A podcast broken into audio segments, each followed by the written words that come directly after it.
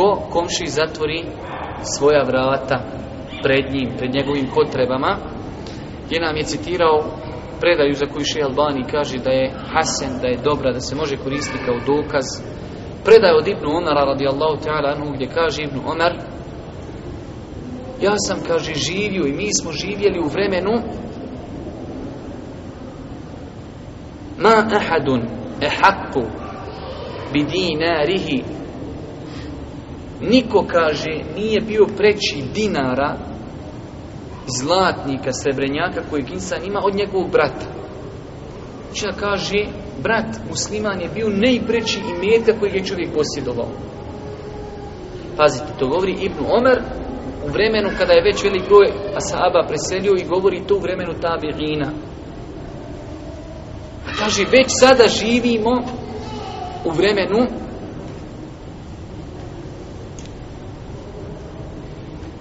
ثم الدينار والدرهم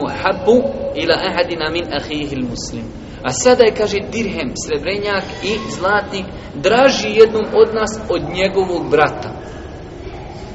Pogledajte za kratko vrijeme koliko su ljudi promijenili.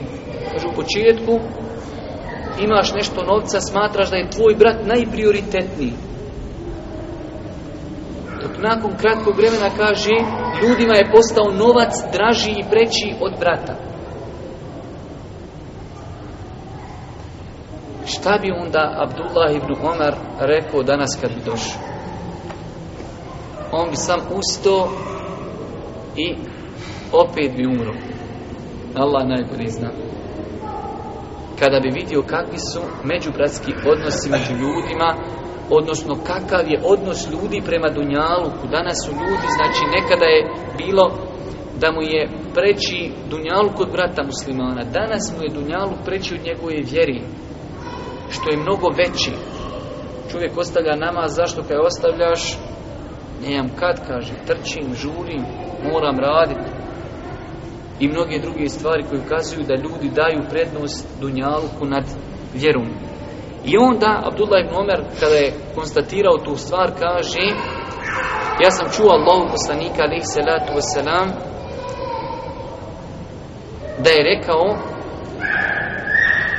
koliko će, kaže, samo biti na sudnjem danu oni, kako bi se mogle gore oni naše sestre upozoriti, ima li kako dijete da može gore otići i rekli haj ti braco, ti možeš, ti si ovako, ti gore, reci sestra, ima dole predavanje, reci, vaša djeca smetaju.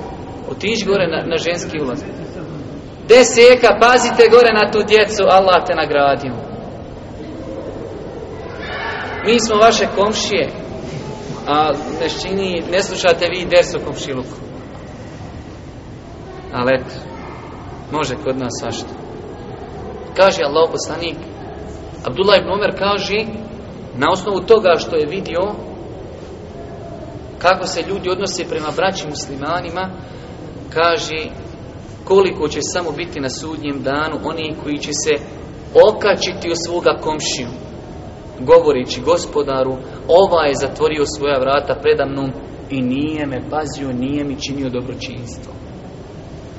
Jedna veoma bitna stvar iz ovog hadisa, braćo moja draga, da će se za odnos prema komšiji polagati računi na sudnjem danu i da će komšije jedni drugi tužakati na sudnjem danu, kao što je opisano u Kur'anu, babo bježi od svog sina.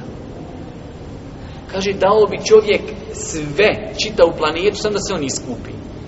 A to čovjek gdje, gdje god koji adut imatni, da nešto ušičari komšiju, on će njega ucrniti, znači gdje god je koji minus imao komšija, sve će se to uspominuti.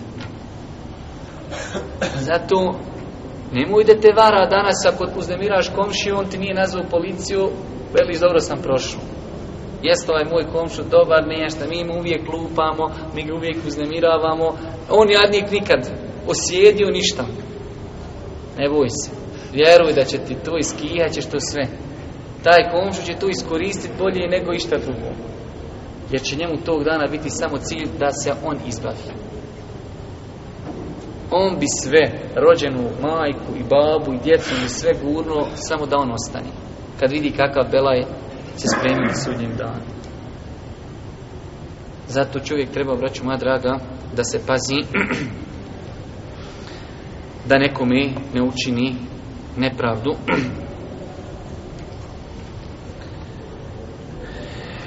Nakon toga Imam Buharija citira nam hadis, interesantan hadis, a s druge strane taj hadis je jedna velika prijetnja gdje kaže Ibn Abbas, čuo sam Allahu poslanika da kaže Lejsel mu'min, nije mu'min, nije mu'min onaj ko zanoći sit, a njegov komšija zanoći gladan. u poglavlju u poglavlju koje je naslovio Imam Buharija biti sit, a komšija da bude gladan. Pogledajte ovdje Allah poslanik negira i to je ono malo prije sam ja, o čemu sam malo prije govorio da čovjek dođe da se lupa u prsa kako je on dobar neki mujki, kako je on neki sunetlija, kako on slijedi Božih poslanika. Sav komšiluk u zavadi sa njim. Sva rodbina u zavadi sa njim. Niko od prijatelja Jarana njegovo ponašanje ne simpatiši. I on tamo negdje neki su netlija. Znači pogledajte ovdje Boži poslanik kaže sel mu'min, nije mu'min. Može on biti musliman. Ali mu'min potpunog imana i da zanoći sit pod uvjetom da zna da je njegov komšija gladan i pod uvjetom, kao što spominju ova dva uvjeta, spominju učenjaci, da mu ima šta dat, taj nije mu'min. Čovjek da zanoči sit, njegov komšija gladan, ali nema mu šta dat. Šta će? Ali da zanoči sit, zna da je komšija gladan, znači prvo zna, i drugo ima mu šta dat. Takav nije za tako, Boži poslanik kaže nije mu'min.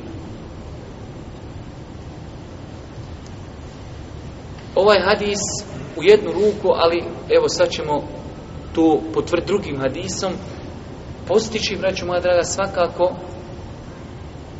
u jednu ruku u granicama dozvoljenog na istraživanje, na ispitivanje stanja naših komšija.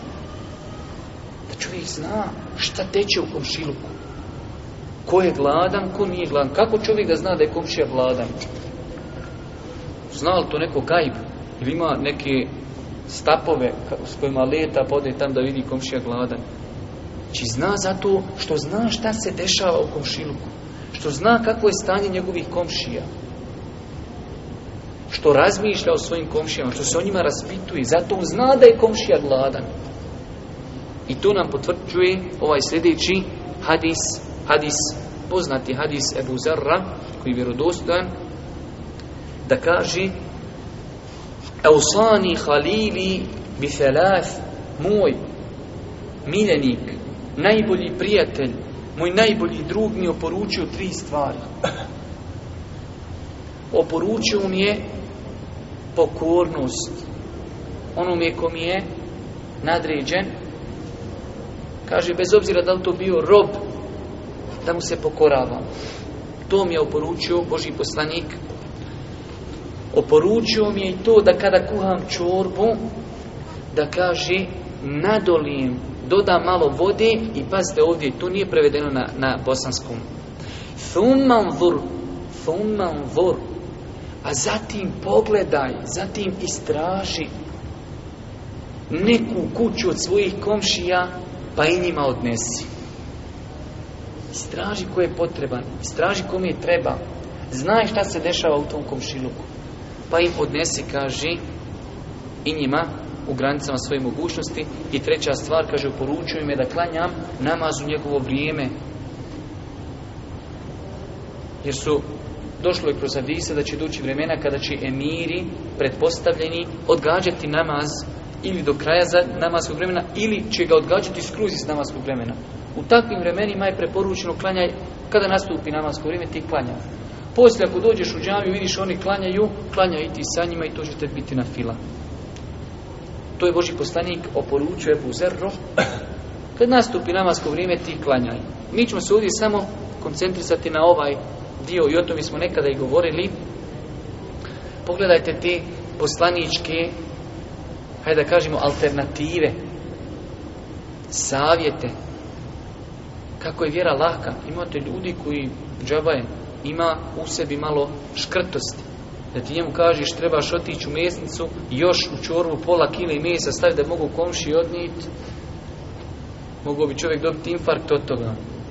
Ali ti kažeš to daj vodi. Vodi, ništa sam tamo gurneš, još se malo natoči, zavrneš i naplate. Ništa nisi dobio, ništa nisi izgubio. To nije teško za dušu i za nefsi. To je govor islamski učenjaka u komentaru ovog hadisa. Da je Boži poslanik preporučio nešto što je lako.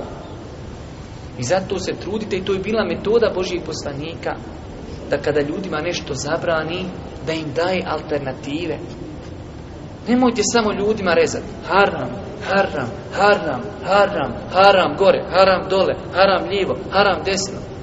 Pa ima lišta halal u toj vašoj vjeri.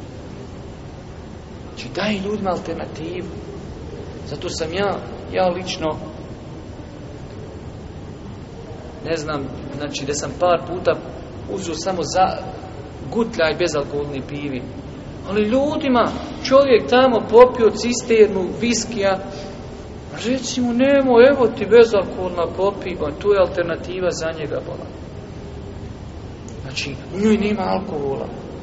Što je zovu bezalkoholno? Nema alkohola. Hoćeš da ti malo gorkni, eto, gorkni ti ona koji je ona prava. Znači, tu je alternativa. Zabranjen blud. Evo ti, vrate žence, malo ti jedna, daj mu drugu, malo druga, daj još jednu, tri, malo još, daj četiri. Dosta. Nije. Pusti četiri, daj drugih četiri. Pa ja, malo ti još, pusti njih, daj još četiri. Znači, daj ljudima alternativu. I tako mnoge druge stvari. Znači ti ima, braću moja draga, alternativa, ljudima davati alternativu. I ovdje Boži poslanik znači preporučuje ihsan dobročinstvo prema komšini. Teško insanu, mu kažeš Eto, aj makar kad ne bi bilo misa, daj stavi još kilu krompira. Kila krompira, ja ljeti kopo, izgorio, zlatice prsko, ganjo, okopavo, travu plijevio, sad ja još da stavim pola kile i krompira da bi komši od njim. E, Boga mi neki on kopa. I ja sam kopo. To je već teško.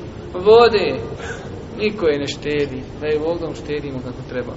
Ne štedimo i nigdje. Tutni, tavu, dole, natoči se malo više, posti komši, odneseš i eto ga. Znači, pogledajte samo kako je Boži poslanik Ali Salatu Vesalam onaj preporučivao lake i jednostavne stvari. A isto tako preporučuje istraživanje, raspitivanje o komšiluku. Ovdje isto, spominjali smo to više puta, ali čisto zbog koristi poklon i rekli smo da je to itekako zapostavljen sunnet. Obilazak i pažnja komšiluka sa tim, ajde da kažemo, hranom koja se kuha u kući. To je, hvala Allahu, kod Arapa i danas dan prisutno, dok kod nas je, znači, zaista zapostavljen u svakom pogledu. Pa čovjek treba da se u granicama, znači, mogućnosti, onaj oživljava taj sunet na taj način jača komšijske veze. On da pazi, znači da ne kaže ajmo odnijet komšijama tamo onaj neki kolača pa pošalju nekom prljavom tanjiru, muzgavom, tuzgavom, ispucanom, krnjavom. Kaže komšija šta je ovo majko rođena, šta nam ovo posla? Da, zvizni to tamo u kantu za smeće. Znači, kad već oživljava taj sunet da to bude na fin način da pošalje neku lijepu hranu, da pošalje znači u, lijepoj znači ambalaži i tako dalje. I treba te stvari znači oživljavati jer rekli smo i to vjerujte baš danas slušam u komentaru ovih hadisa nije poklon ciljan vrijednošću poklona već je poklon ciljan da bi se dokazala osobi da čovjek misli na njega, da on kod njega ima vrijednost. Danas slušam jednog šeha u Medini komentariše ovaj hadis. Kod njega dolazi stranci, studenti, normalno na, na dersove kao što smo i mi išli dok smo bili tamo. I on kaže, evo pogledajte, kaže vas primjer. Ja sam to nedavno navodio. Primjer. Kaže, zamisli, kaže ti u Medini i kupiš misva koji je vrijedi, tamo vrijedi pola marki. Ovdje se malo skuplje prodaje. E, i kaže, ti dođeš, kaže, u svoju tamo državu i kažeš komši, ali zaista kupuješ njemu i kažeš komšija, zaista ja nemam više para, ti kod mene vrijediš mnogo više, ali ovaj mitzvah sam kupio maksu za tebe, tebi. Ti tamo nisi na mene zaboravio, toliko hiljada kilometara ti me nisam, nisam te zaboravio. To treba da mu bude obraz debel ko John, pa da on rekne, e onaj momak mene. E jes, brate, bezobrazan što mi je donio mislao. E, ti te isram, bilo što mi donese mislak. Normalno da neće. Osim, rekli smo, ako mu je obraz deblji od džona i to onoga od onih cipila protiv mina, debeli, znači tada će možda reći. Ali insan koji, koji je razuman, koji se boji Allaha, kaže tamo me nisi zaboravio i meni to donio. Znači nije pojenta je moja braća, moja draga, znači jedija, poklon nije ciljan zbog vrijednosti. Već je ciljan da bi se dokazala insanu da bi se dokazalo insanu da neko na njega misli, da on kod nekoga vrijedi. Tako i taj komšija. Ne možeš ti njemu nikako odnijeti da bi se oni svi najeli.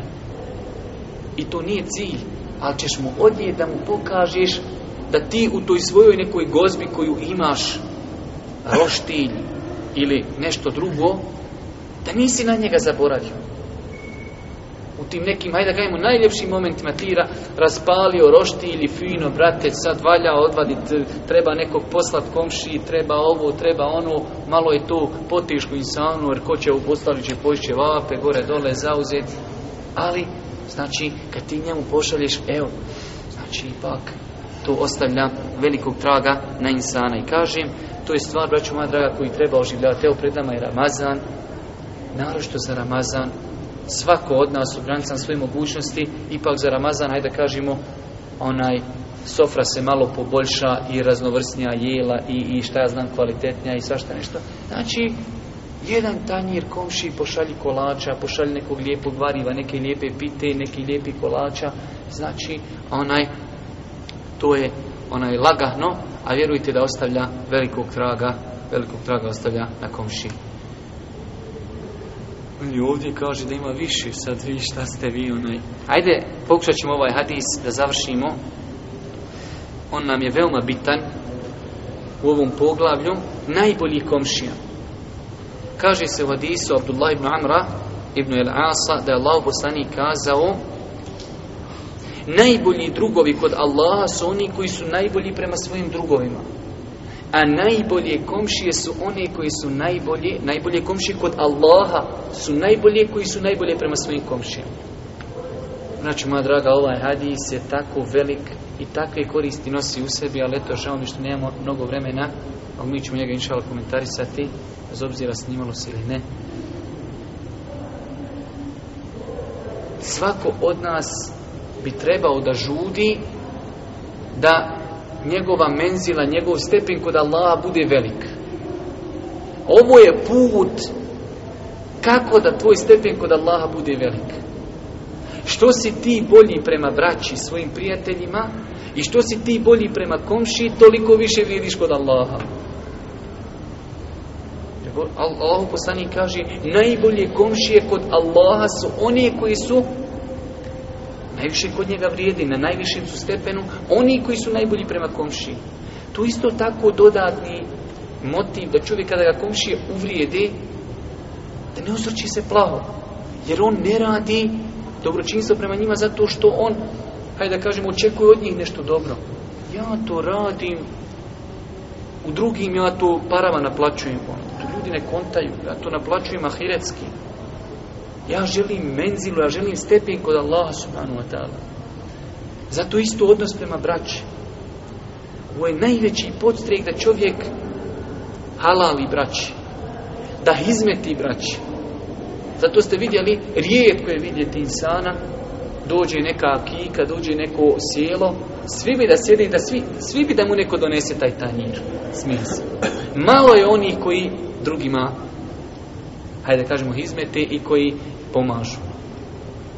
A to je put, ako hoćeš kod Allaha da vrijediš, što bolji da budeš prema svojim prijateljima. Što bolji da budeš prema svojim komšijama.